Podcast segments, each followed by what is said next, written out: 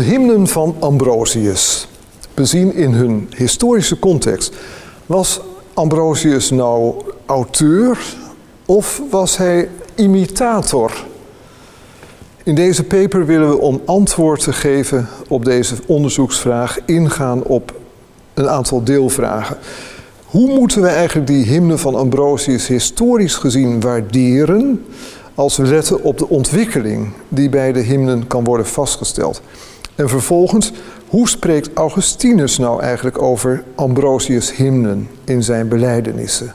En tenslotte willen we kijken naar de thematiek en de literaire opbouw van de hymnen van Ambrosius. Allereerst de historische ontwikkeling van de hymne. En dan ga ik eerst naar de Griekse hymne, want Ambrosius heeft ook heel veel van de Griekse auteurs overgenomen, dus we moeten daar ook naar kijken. Hymnen komen historisch gezien al heel erg vroeg voor, in allerlei verschillende contexten.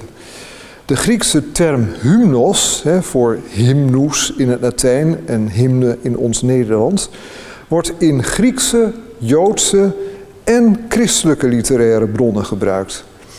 En in die Griekse bronnen komt het al heel vaak, heel vroeg voor, zelfs bij Homerus. En ook bijvoorbeeld in de Joodse bronnen in de vertaling van de Septuaginta. In het Griekse Nieuwe Testament komt ook de term nog een keer voor. Maar eigenlijk moeten we toch zeggen dat zowel in de Septuaginta als in het Nieuwe Testament deze term hymne heel sporadisch wordt gebruikt. Tegelijkertijd is de term in de latere Griekse pagane literatuur wel steeds voorhanden, worden steeds opnieuw gebruikt. Ten slotte is de term ook letterlijk in het Latijn vertaald, wat ik u aangaf, en in de pagane Latijnse literatuur ook veel aanwezig. Nou, als je let op die grote diversiteit van de bronnen, dan lijkt een kort overzicht hier wel belangrijk. Want wat is die hymne nu eigenlijk? We richten hier ons dus even op de ontwikkeling van de christelijke hymne. Of van de ontwikkeling van die hymne die dan ook later heeft doorgewerkt op de christelijke hymne. Bij Homerus kunnen we echt maar bescheiden conclusies trekken. Want Homerus gebruikte de term hymne maar één keer. Dus dat is niet veel. En in de betreffende versregel van, Odysseus, van de Odyssee wordt dan meestal aangenomen dat het betekent een wijze of een melodie.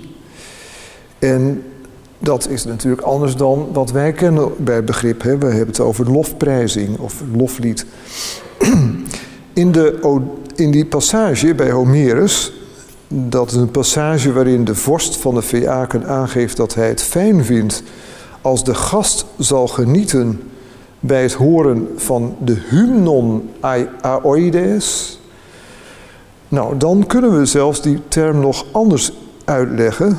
En zou het wel eens kunnen zijn dat dat helemaal nog geen lied is, maar dat het eigenlijk het, het metrum is van het gedicht, wat op een melodieuze manier wordt voorgedragen.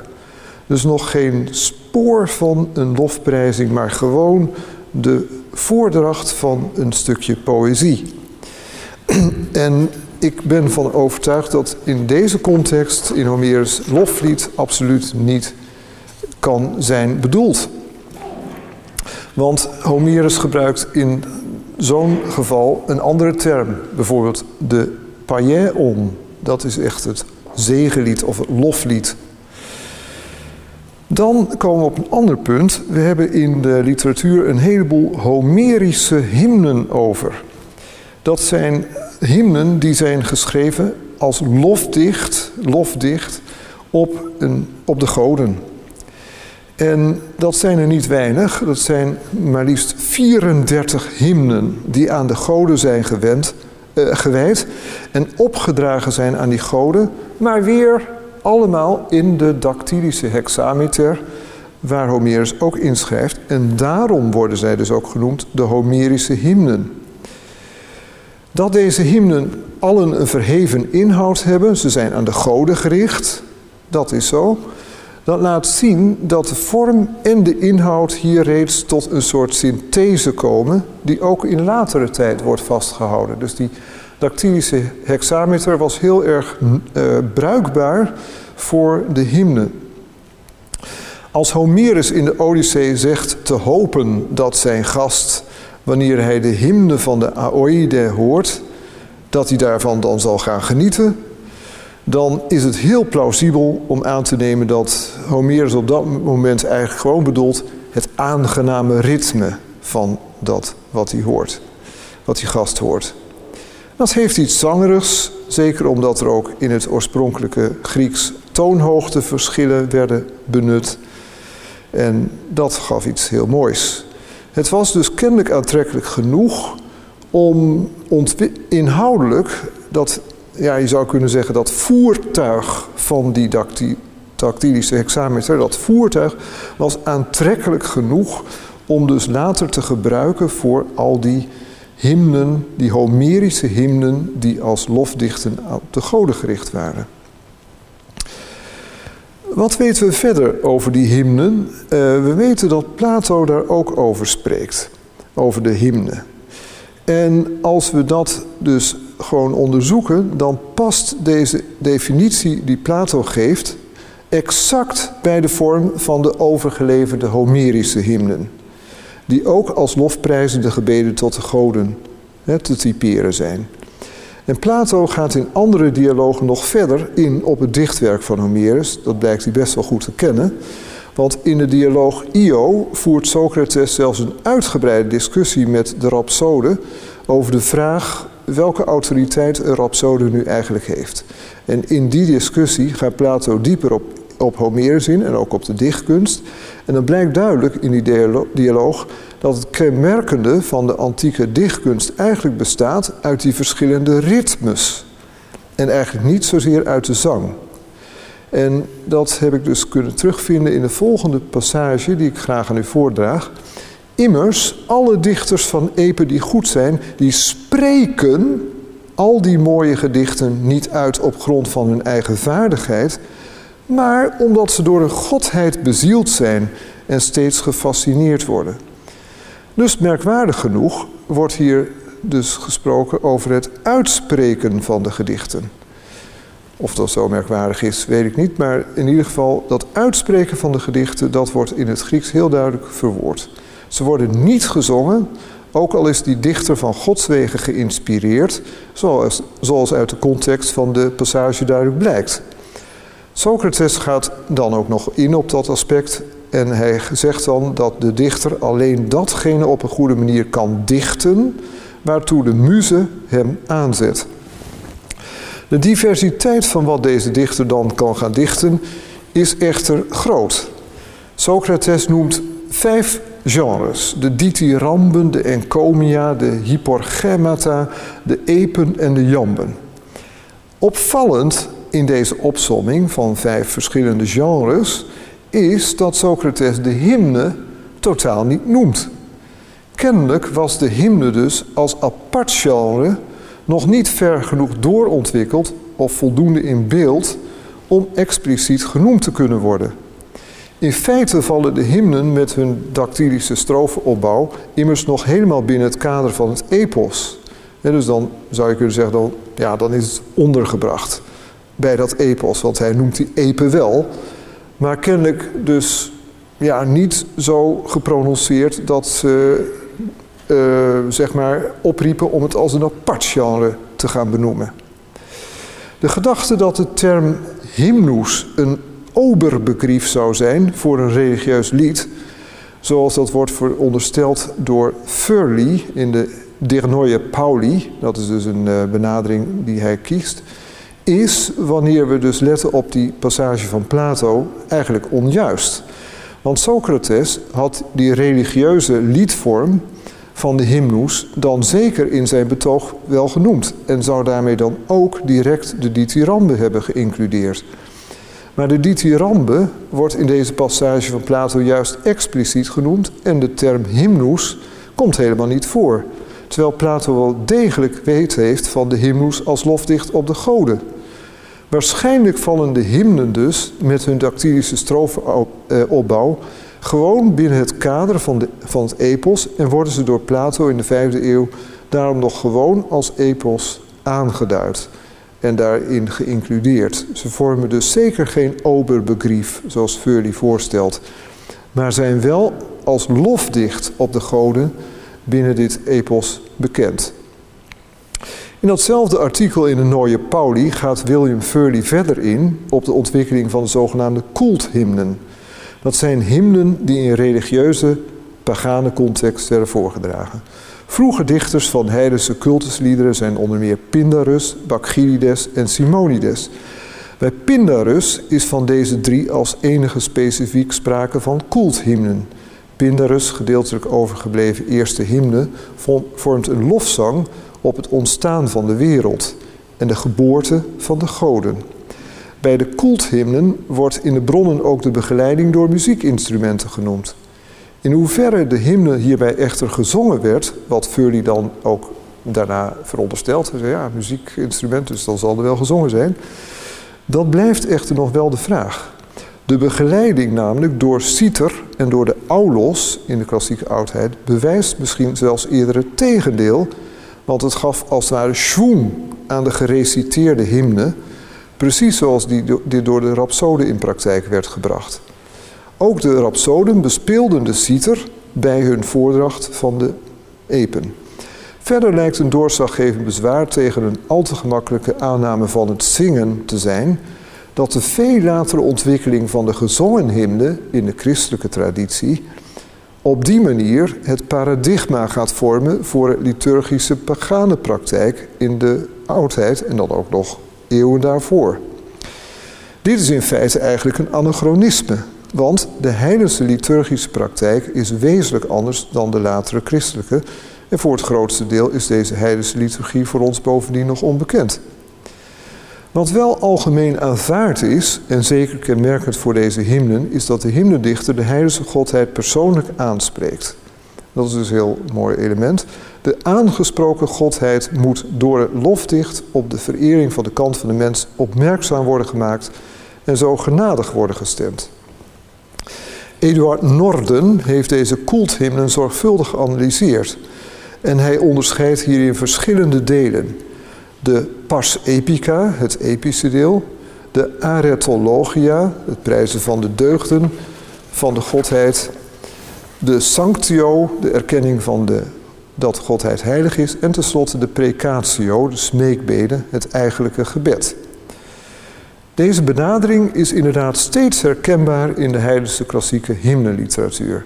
De godheid wordt door degene die hem aanroept eerst geprezen en gunstig gestemd, Vervolgens wordt er voor degene die de hymne uitspreekt ook een individueel gebed aan verbonden.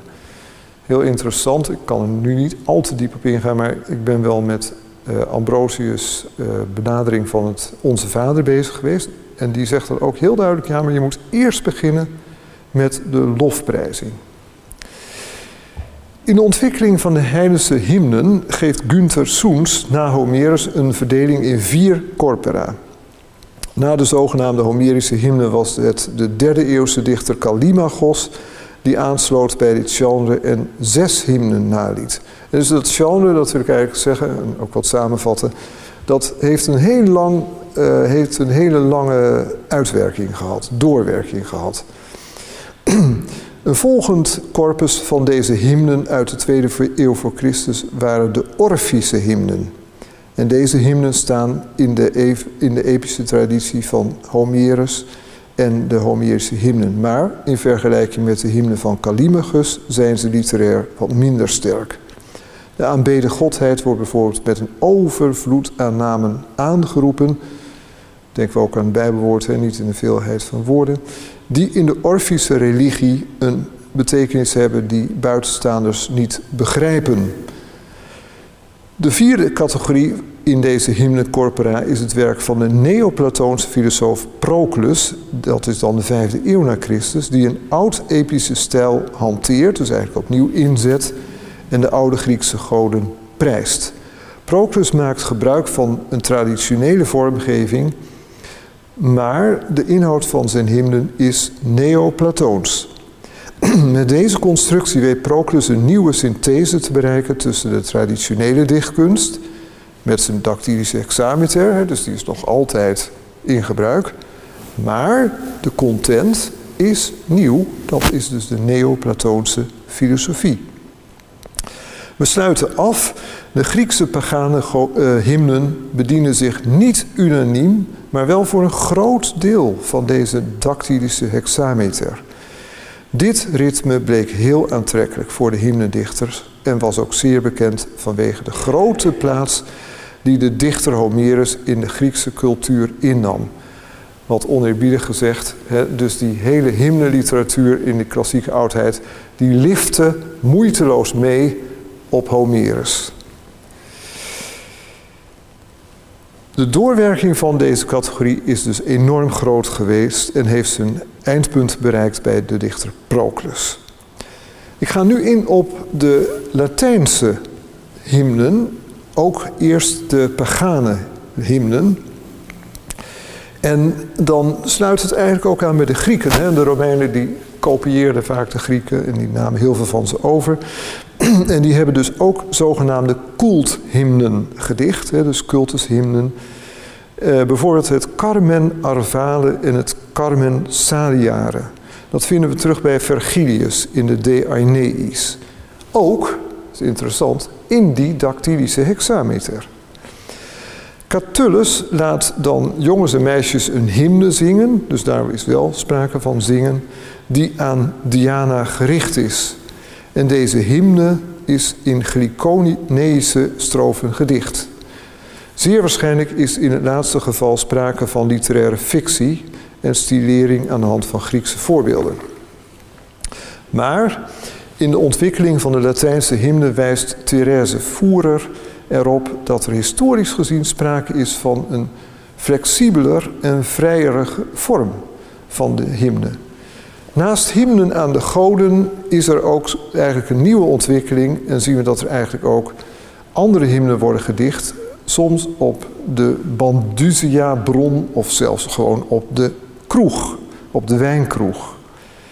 Dus eigenlijk het loslaten van de cultusfunctie, die je dan constateert, zou volgens Voerer, Therese Voerer, zelfs leiden tot het gebruik van genre-vreemde motieven in deze hymnen, zoals actuele politieke gebeurtenissen, en zelfs kunnen leiden of leiden tot het oneigenlijk gebruik van de hymne, bijvoorbeeld een verjaardagsgedicht voor Messala.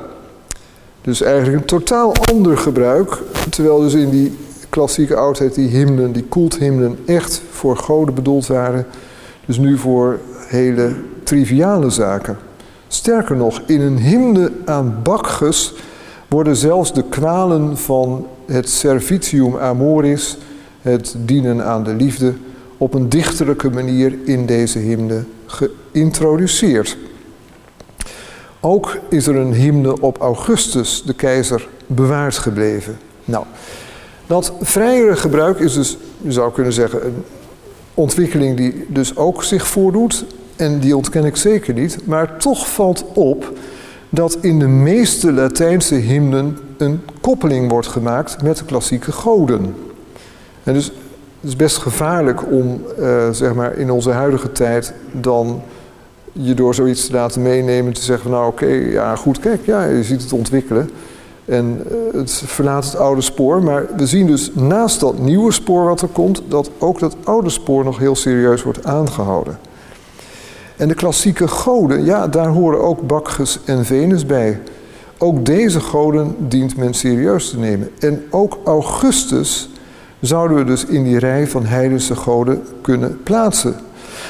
en niet met een anachronisme wegmasseren, want ja, het was maar gewoon een mens. Nee, hij had zichzelf ook als God uitgeroepen. Augustus liet zichzelf als God vereren en een aan hem gerichte hymne versterkte ook dit goddelijke imago. We lopen dus dat gevaar door anachronistische benadering het antieke polytheïsme te vergeten. En ook dat dit pandemonium in de klassieke oudheid tot en met de ontwikkeling van het christendom altijd een belangrijk uh, item bleef, nooit werd ontkend of werd vergeten. Overal in heel Europa vind je altijd nog weer tempels eh, offerplekken, ook in de vierde eeuw, ook in de vijfde eeuw. Ik kom nu op Augustinus, op zijn belijdenissen. Want na zijn doop, en die passage zal nog wel eens passeren tijdens dit congres, dan zegt hij: Hoe weende ik bij uw lofliederen en bij uw gezangen, heftig geroerd door de lieflijk klinkende stemmen van uw kerk. Die stemmen stroomden mijn oren binnen en de waarheid druppelde helder in mijn hart en vrome aandoeningen welden daaruit op. Mijn tranen stroomden en het was goed met hen. En dan vertelt Augustinus ook hoe die hymnen werden ingevoerd in Milaan. Hij zegt dan, niet lang tevoren was de kerk van Milaan begonnen deze soort van vertroosting en opwekking te beoefenen. En met grote ijver verenigden de broeders in de zang stem en hart. Het was namelijk een jaar of niet veel langer geleden dat Justina, de moeder van de jeugdige keizer Valentinianus, uw dienaar Ambrosius vervolgde ter wille van de ketterij waarin zij door de Arianen gelokt was. Het vrome volk hield de wacht in de kerk, bereid om te sterven met zijn bisschop, uw knecht. Mijn moeder, uw dienstknecht, eh, pardon, mijn moeder, uw dienstmaagd, die de eerste was in bezorgdheid en waken, leefde daarvoor haar gebeden. Ook wij, die nog niet verwarmd waren door de warmte van uw geest, werden toch door de ontstelde en verwarde burgerij opgewekt. Toen is de gewoonte ingesteld dat de hymnen en de psalmen gezongen zouden worden volgens de gewoonte van de Oosterse streken, opdat het volk niet door afmattende droefheid zou wegkwijnen. Van die dag af tot op heden toe heeft dat gebruik zich gehandhaafd, terwijl vele, ja bijna alle kudden van u, ook in de overige delen van de wereld, dat navolgen. Einde citaat uit de Confessiones. Naast deze indruk die Augustinus geeft van de hymnen en het psalmengezang, citeert hij in de belijdenissen een enkele hymnen die voor hem van grote betekenis zijn geweest.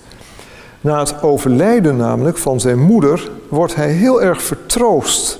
Dus in die rouwverwerking spelen die hymnen een rol. Door twee coupletten van Ambrosius. O God, gij schepper van het heelal, die de baan van de hemel bestuurt en kleedt de dag met het schitterend zonnelicht nou, zoals ik het congres bijna begon. De nacht met zoete sluimering, opdat de rust de leden sterkt en weer in staat stelt tot het werk en de vermoeide geest verkwikt, bekommerden bevrijd van zorg. Naast deze hymne, dus die citeert hij gewoon en die is dus ook in Milaan ook inderdaad gezongen. Naast deze hymne, die bekend staat als Deus Creator Omnium, worden er door Augustinus nog drie anderen in zijn belijdenissen genoemd. Het betreft dan het Aeterne Rerum Conditor en Jam Surgit Hora Tertia. En Augustinus laat dus blijken dat deze hymnen als liturgische vernieuwing en inhoudelijk bijzonder belangrijk waren voor hem. We gaan hier nog iets dieper op in, want verderop in de belijdenissen spreekt Augustinus ook over een lector psalmi in Alexandrië, dus een lezer van de psalm in Alexandrië, die van bisschop Athanasius de opdracht kreeg om met zo min mogelijk stemhoogteverschillen aan te houden of aan te houden bij het voorlezen van de psalm. Hij leek daardoor volgens Augustinus meer op iemand die de inhoud verkondigde dan op iemand die een psalm zong. Augustinus gebruikte in dit verband het woord sonare, het werkwoord sonare. Die passage die hij dan ook noemt in die beleidenissen laat zien dat dus een melodieuze voordracht, flexu vocis, in de oudheid kennelijk heel sterk deed denken aan zingen. En want als je niet al te veel varieert, dan is het goed. Anders wordt het zingen. Tegelijk weten we dat het eigenlijke zingen met het Latijnse werkwoord canere en cantare ook en helder wordt onderscheiden van recitare, voordragen, en sonare, dat is ook eh, voordragen. Het eigenlijke zingen komt evenwel ook in Augustinus terugblik op de doop in dezelfde passage duidelijk terug. Het zingen van de hymnen heeft op Augustinus kennelijk zoveel indruk gemaakt bij zijn doop. Het is eigenlijk een grote plus dat het gezongen werd. Dat hij dezelfde ervaring nogmaals in herinnering roept, in het, terugroept in dezelfde beleidenissen verderop. Dat is een vrij onbekende passage, in, of wat minder bekend, in 103350. Want daar zegt hij het volgende. Maar wanneer ik me dan weer de tranen herinner die ik vergoot bij het kerkgezang in de eerste tijd van terugwinnen van mijn geloof. En als ik dan bedenk dat ik ook nu niet alleen geroerd word door het gezang, maar ook door de inhoud van het gezongene. Wanneer dat gezongen wordt met een zuivere stem en op een geheel bij de inhoud passende melodie, ja, dan erken ik weer het grote nut van deze instelling. Dat is een hele discussie die hij daar voert over ja, de functie van de muziek. Augustinus onderscheidt hier overigens de psalmen en de hymnen niet, maar spreekt hier over het cantus ecclesiae, het zingen of de gezangen van de kerk. We komen nu terug op onze hoofdvraag, want die hadden we ons gesteld. Hoe origineel is Ambrosius nu als het gaat over het dichten van deze hymnen? Welke bronnen stonden hem bijvoorbeeld tot beschikking? En wat was zijn eigen individuele bijdrage in het schrijven van deze hymnen? Even een moment.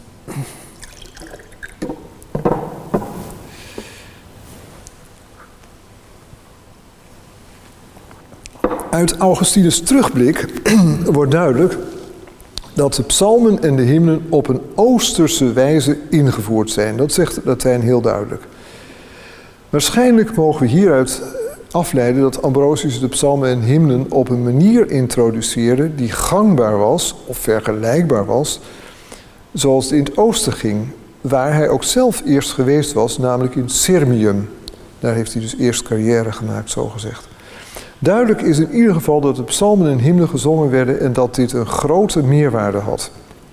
Ambrosius kreeg zelfs van de tegenpartij het verwijt dat hij zijn gemeenteleden betoverde met zijn hymnen. Of de psalmen tot op dat moment in Milaan niet zouden zijn gezongen, zoals door sommige wetenschappers wel is aangenomen, dat uh, valt te betwijfelen. Want Augustinus zegt eigenlijk alleen dat men de psalmen op een oosterse manier begon te zingen. En dat was in feite ook de liturgische vernieuwing. De gezongen hymnen lijken echter wel een niche in de markt geweest te zijn. Als, het, als ik het zo mag zeggen, dat is misschien wel heel erg actueel, maar een niche in het liturgische spectrum. En deze niche ook op te vullen. En hierin volgt Ambrosius zijn oudere collega Hilarius van Poitiers, die ook hymnen in Poitiers heeft geïntroduceerd en ook vanuit het oosten. Bij Ambrosius lijkt er echter wel een liturgische vernieuwing geweest te zijn bij het zingen van de psalmen, als we dus het Latijn van Augustinus goed lezen. Want hij zou ook gezegd kunnen hebben de hymnen die op een Oosterse manier werden ingevoerd. Maar hij zegt de psalmen en de hymnen, dus het, het hele pakket wordt op een Oosterse manier benaderd. Als het gaat om de vraag of Ambrosius de hymnen zelf heeft geschreven of zich liet inspireren door Oosterse voorbeelden, dan hebben we een vraag die vanuit de bronnen niet eenvoudig is op te lossen, niet eenvoudig is vorm te geven. Want in de recente studie Enchantment and Creed in the Hymns of Ambrose of Milaan laat Brian Dunkel wel zien dat Ambrosius in zijn hymnen een hoge mate van christelijke spiritualiteit en ook christologie heeft ingebracht en dat dit zijn hymnen ook uniek maakt, en ik deel dat ook allemaal zeker, maar is Ambrosius, als het gaat om de inhoud van zijn hymnen, wel de unieke architect van deze hymnen. Tijdens een jarenlang verblijf in Sirmium, hij heeft daar echt uh, wel jaren gezeten, ik geloof twaalf jaar, is het namelijk beslist niet ondenkbaar dat Ambrosius de inhoudelijke inspiratie voor meerdere hymnen heeft opgedaan. Hier zou men tegen in kunnen brengen dat Ambrosius de kerk in deze periode van zijn leven nooit van binnen heeft gezien. Maar we hadden het er net al over. Dat lijkt mij ook eigenlijk niet zo heel waarschijnlijk. Ook, ook trouwens in Trier, als je daar komt, zie je dat er ook heel veel Grieks werd gesproken, ook in de vierde eeuw nog. Ook al was hij in Sirmium, voor zover wij weten, niet in een bepaald ambt en ook een ongedoopt catechumeen, we mogen aannemen, dat is dan ook een aanname, dat Ambrosius in deze residentie regelmatig naar de kerk ging. En hier dan ook de hymnen en psalmen hoorde zingen. Wanneer we Augustinus serieus nemen, dan zijn er Oosterse elementen in de Milanese hymnen terug te vinden. Dit zou zeer goed die passages kunnen betreffen waar naar de schepping en naar God als schepper wordt verwezen. Ambrosius volgde ook in de Hexahemeron, het werk over de zes scheppingsdagen, zijn collega en vriend Basilius de Grote op de voet. Hij kende de vroeg-christelijke Oosterse leer over de schepping als geen ander. En het is juist in die periode dat hij daarover preekt. Hè? Dus dat, is ook, dat past heel mooi op zijn plek. In het Oosterse vroege christendom is de lofprijzing van de schepper en van de door God gecreëerde schepping ook meer dan latent aanwezig. Dat wordt echt uitgesproken. Van andere Ambrosiaanse hymnen die voor specifiek Romeinse martelaren zijn geschreven, zou men prima facie op het eerste gezicht kunnen zeggen dat ze volledig origineel zijn. Ze zijn immers toegepast op de specifiek Romeinse martelaars, die vanzelfsprekend in het oosten ontbreken. Maar voorzichtigheid is hier net zo goed geboden. Ook in het vroeg-christelijke oosten had men zijn martelaars. En het is belangrijk om te bedenken dat de martelarenverering in de vierde eeuw niet alleen maar in het westen, maar ook zeker en misschien nog wel meer in het oosten een geweldige vlucht heeft genomen. Zeker omdat het christendom inmiddels een toegestaande godsdienst was en een meer uitgebreide terugblik op het verleden daardoor mogelijk werd met de martelarenverering als een belangrijke exponent. Dus het framework, als ik het zo mag zeggen, of het schabloon van een zogenaamd Ambrosiaanse hymne op een specifiek Romeinse martelaar, kan heel gemakkelijk aan een Oosterse vroegchristelijke voorlagen zijn ontleend. En er waren er genoeg. Ook het woordgebruik in de hymnen is beslist niet uniek. Jacques Fontaine laat in een fantastische studie Prose et Poésie dans la création littéraire d'Ambroise laat daar heel goed zien dat verschillende regels uit de hymnen vrijwel exact zo voorkomen in het proza van Ambrosius. Dit bewijst aan de ene kant wel het Ambrosiaanse karakter van de hymne, dat is dan natuurlijk wel duidelijk, maar laat aan de andere kant zien dat Ambrosius kennelijk niet de behoefte heeft gehad, of erin is geslaagd, om een volkomen uniek hymnencorpus te schrijven. Wanneer we de status quo van het onderzoek naar de hymnen van Ambrosius kort willen weergeven, dan komen we eigenlijk tot de volgende conclusie. De invloed van, de Oosterse, vroeg, van het Oosterse vroege christendom is veel groter dan wij denken, maar ook in de hymnen van Ambrosius nog weinig onderzocht. De invloed van Basilius de Grote op Ambrosius' hymnen is daarom eerder een realistische mogelijkheid dan een reeds bij voorbaat te verwerpen aanname. Verder onderzoek zal ook duidelijk gaan maken, naar ik hoop, of deze aanname juist is geweest of dat mogelijk het tegendeel het geval was. Ik weet dat nu nog niet, maar ik hoop daar nog mee verder te gaan. En ik dank u voor uw aandacht. Dank u wel.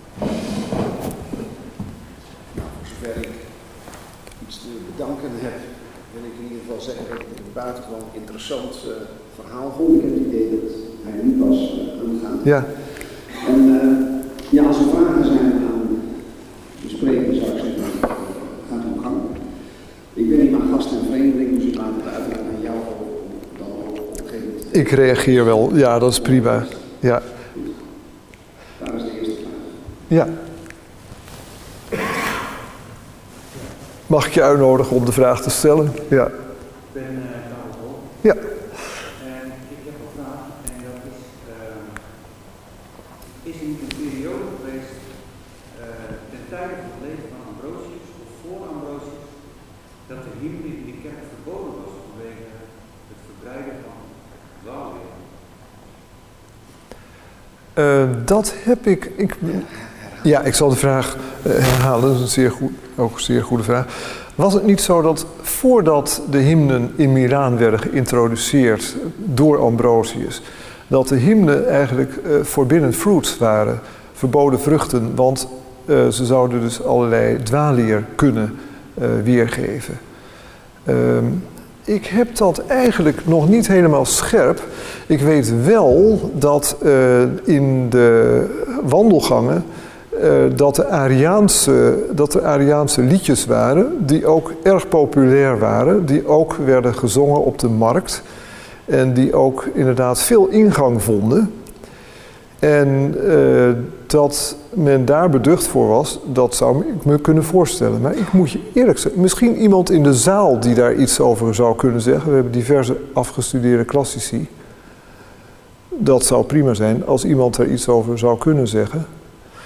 Maar um, men is wel terughoudend geweest, dat heb ik uh, wel begrepen. Maar er zijn dus verschillende benaderingen. Er is ook een benadering geweest, die is historisch gezien onjuist, maar die zegt al van ja, um, die christenen hebben zich in het begin juist van de Joodse traditie willen onderscheiden. En die hebben daarom uh, wel hymnen gezongen, maar geen psalmen. Maar dat is toch, als je zeg maar uh, in de vierde eeuw kijkt, helemaal onjuist. Want dan heeft Augustinus bijvoorbeeld uh, beschreven in de Confessiones dat uh, bij het overlijden van zijn moeder, dat dan hun zoon Adeodatus, dat hij dus het psalterium pakt. En die wil dus dan direct een psalm gaan lezen of zingen. Dus er is al een psalmboek, een psalterium in de vierde eeuw in gebruik. Dus uh, dan liturgisch is dan de vraag hoe kreeg dat precies vorm? Nou, mogelijk dat die psalmen inderdaad werden gezongen. Mogelijk, dat merk je ook bij Augustinus wel, dat hij eigenlijk die muziek op een fileerblad legt. Van uh, ja, wat voor meerwaarde geeft dat nou precies? fileertafel. Dus met een fileermes probeert hij daar doorheen te gaan. Wat kennelijk betekent, zou kunnen betekenen dat die psalmen wel ook gereciteerd werden en werden voorgelezen, maar niet altijd of steeds werden gezongen in de vroege kerk. Dat zou kunnen. En dat dus zeg maar in die vierde eeuw, dat toen zeg maar de barrières wegvielen bij Ambrosius, dat het gewoon, want die had dat ook in het oosten al meegemaakt, dat ze gewoon met werden gezongen, met dus inderdaad zuivere stem, om Augustinus nog een keer te citeren. Ja. ja. Een andere vraag. Ja, nog even over die psalmen. Is natuurlijk de eerste drie eeuwen is het heel belangrijk dat je ja. sowieso ja. over het zingen van psalmen. Ja, ja. Vaak verband leggen de synagoge met punt is dat de synagoge psalmen ook de later jaren zijn. Ja. Maar wat een beetje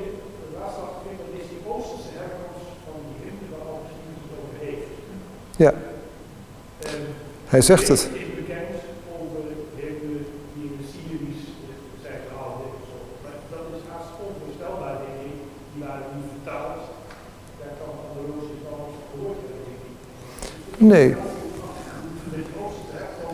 Ja. Ja, daar ga ik graag op in, want dat is wel, denk ik, een heel goed punt. Dus die Oosterse uh, herkomst van de hymnen, hoe zit dat precies? Nou, uh, het is zo dat uh, dus Ambrosius heeft dus in dat Sirmium, dat is het huidige Mitrovica, in Servië is dat.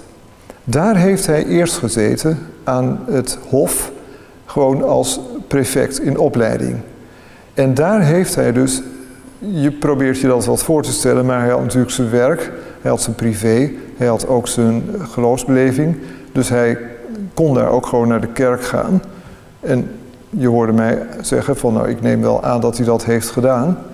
dan heeft hij daar dus, als hij daar interesse voor had, de traditie, die liturgische traditie, die daar gangbaar was, heeft hij dan dus inderdaad meegekregen. En dat wordt door Augustinus dan gelabeld als de Oosterse traditie, die dan natuurlijk niet zo heel ver weg is, maar wel in het Grieks is geweest. Want dat gedeelte van het Rijk sprak, in dat gedeelte sprak men Grieks. En ook uh, Hilarius van Poitiers, die heeft dat ook gehad. Hè. Die was verbannen naar Frigië. Die heeft dus ook inderdaad in dat Griekse deel dat jaren gehoord en dat weer omgezet en bewerkt in Latijnse hymne. dus daar een vertaalslag gemaakt op zijn minst, of wel een bewerkingsslag van wat hij daar hoorde. Maar een interessant punt, uh, dat is ook nog weer door andere wetenschappers aangeroerd, van uh, zit daar nog inderdaad een Syrische laag in? Hè? Want dan heb je het over het echte oosten, bij wijze van spreken. Dat is dan nog weer verder. Dat heb ik ook voorgelegd aan de hymnoloog Ari uh, Eikelboom. Ik heb deze hele lezing aan Ari Eikelboom gemaild. Alles. Ari is in Nederland de, meest toonaangevende hymnoloog. Ari, uh, zeg mij als dit niet klopt. Als er bijvoorbeeld, want jij zegt wel van dat er ook Syrische oorsprong zou zijn misschien. Maar hij heeft het heel grondig bekeken en ja, hij komt inderdaad niet verder dan ik hier vanavond. Dat hij zegt van ja, die Syrische invloed, ja, die kun je niet traceren. Nee, ik heb er juist een grote vraag bij, want het is echt een ander genre. Is ja. Ja, ja, ja, ja. Ja, ja. Ja, precies. Ja, ja.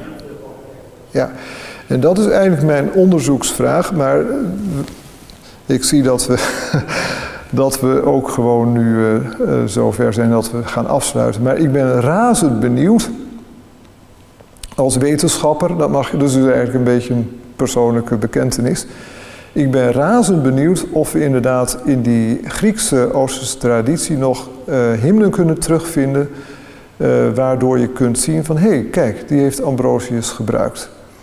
En dat kunnen we misschien achterhalen door inderdaad in Athos onderzoek te doen. De kloosters in Athos, daar is heel veel nog overgebleven van die vroeg-christelijke uh, liturgische traditie, Griekse traditie. Dus dat is nog een stukje onderzoeksveld wat ik nog graag uh, verder wil ontginnen. Ik denk dat we het hierbij laten. Ja. Heel veel dank uh, iedereen die hier vanmiddag was. Ik heb het in de aankondiging in mijn mail gisteren zo gezegd. Hè? Sive corpore, ofwel met het lichaam. Sive corde et mente, ofwel met het hart en met de geest. We hebben op alle mogelijke manieren vandaag uh, ja, kunnen meedoen op deze prachtige zomerdag. Ik vind het echt wel een groot voorrecht dat we op deze manier dit congres hier kunnen houden. En ja, het is nu voor vandaag inderdaad wat het formele gedeelte betreft gebeurd. En ik zal nog even nu ook wat praktische dingen even bespreken met jullie allemaal. Dat is denk ik praktisch. Het zal zo zijn dat we om kwart over zeven zijn uitgenodigd voor het diner in Hotel Apeldoorn. Dat Hotel Apeldoorn is uh, makkelijk te bereiken vanaf de rotonde ga je richting het bordje Zwolle. Dat staat op de fietsbordje Zwolle. En dan ga je de jachtlaan vervolgen. En na anderhalf kilometer kom je links bij het hotel. Maar stel je voor dat je zegt nou ik heb nou even geen zin om die anderhalve kilometer te wandelen. Dan heb ik uh, voor degenen die dat niet zouden willen nog inderdaad een lift aan te bieden. Ik heb een zevenzitter, dus daar kunnen ook verschillende mensen in mee. Mensen die zeggen, ik wil wel wandelen, maar ja, die koffer, hè, die, uh, dat vind ik nou om nou anderhalve kilometer met die koffer te gaan slepen. Dan is het ook prima, dan kan die koffer bij mij in de auto, dan uh, klap ik wel even wat in. En dan zien we dat verder wel. Um, in ieder geval is het zo dat vandaag de, het diner zal zijn om kwart over zeven. Uh, morgen zal het vroeger zijn, want morgen is het zo dat we ook het programma drie kwartier eerder afsluiten omdat Erik de Boer dus eigenlijk niet hier kon zijn vanwege ziekte. Hij is geopereerd en moet herstellen. Dus dat betekent dat hij de voordracht vandaag niet heeft kunnen houden. Dat betekent dat we morgen om half zeven klaar zijn. En dat we daardoor ook inderdaad, nee pardon, half zes zijn we morgen klaar. En dat we dan om half zeven morgen het diner hebben. dus dan is dat wat vroeger. Maar morgen hebben we natuurlijk ook morgenochtend nog de hele dag of de hele ochtend uh, dus uh, voordrachten.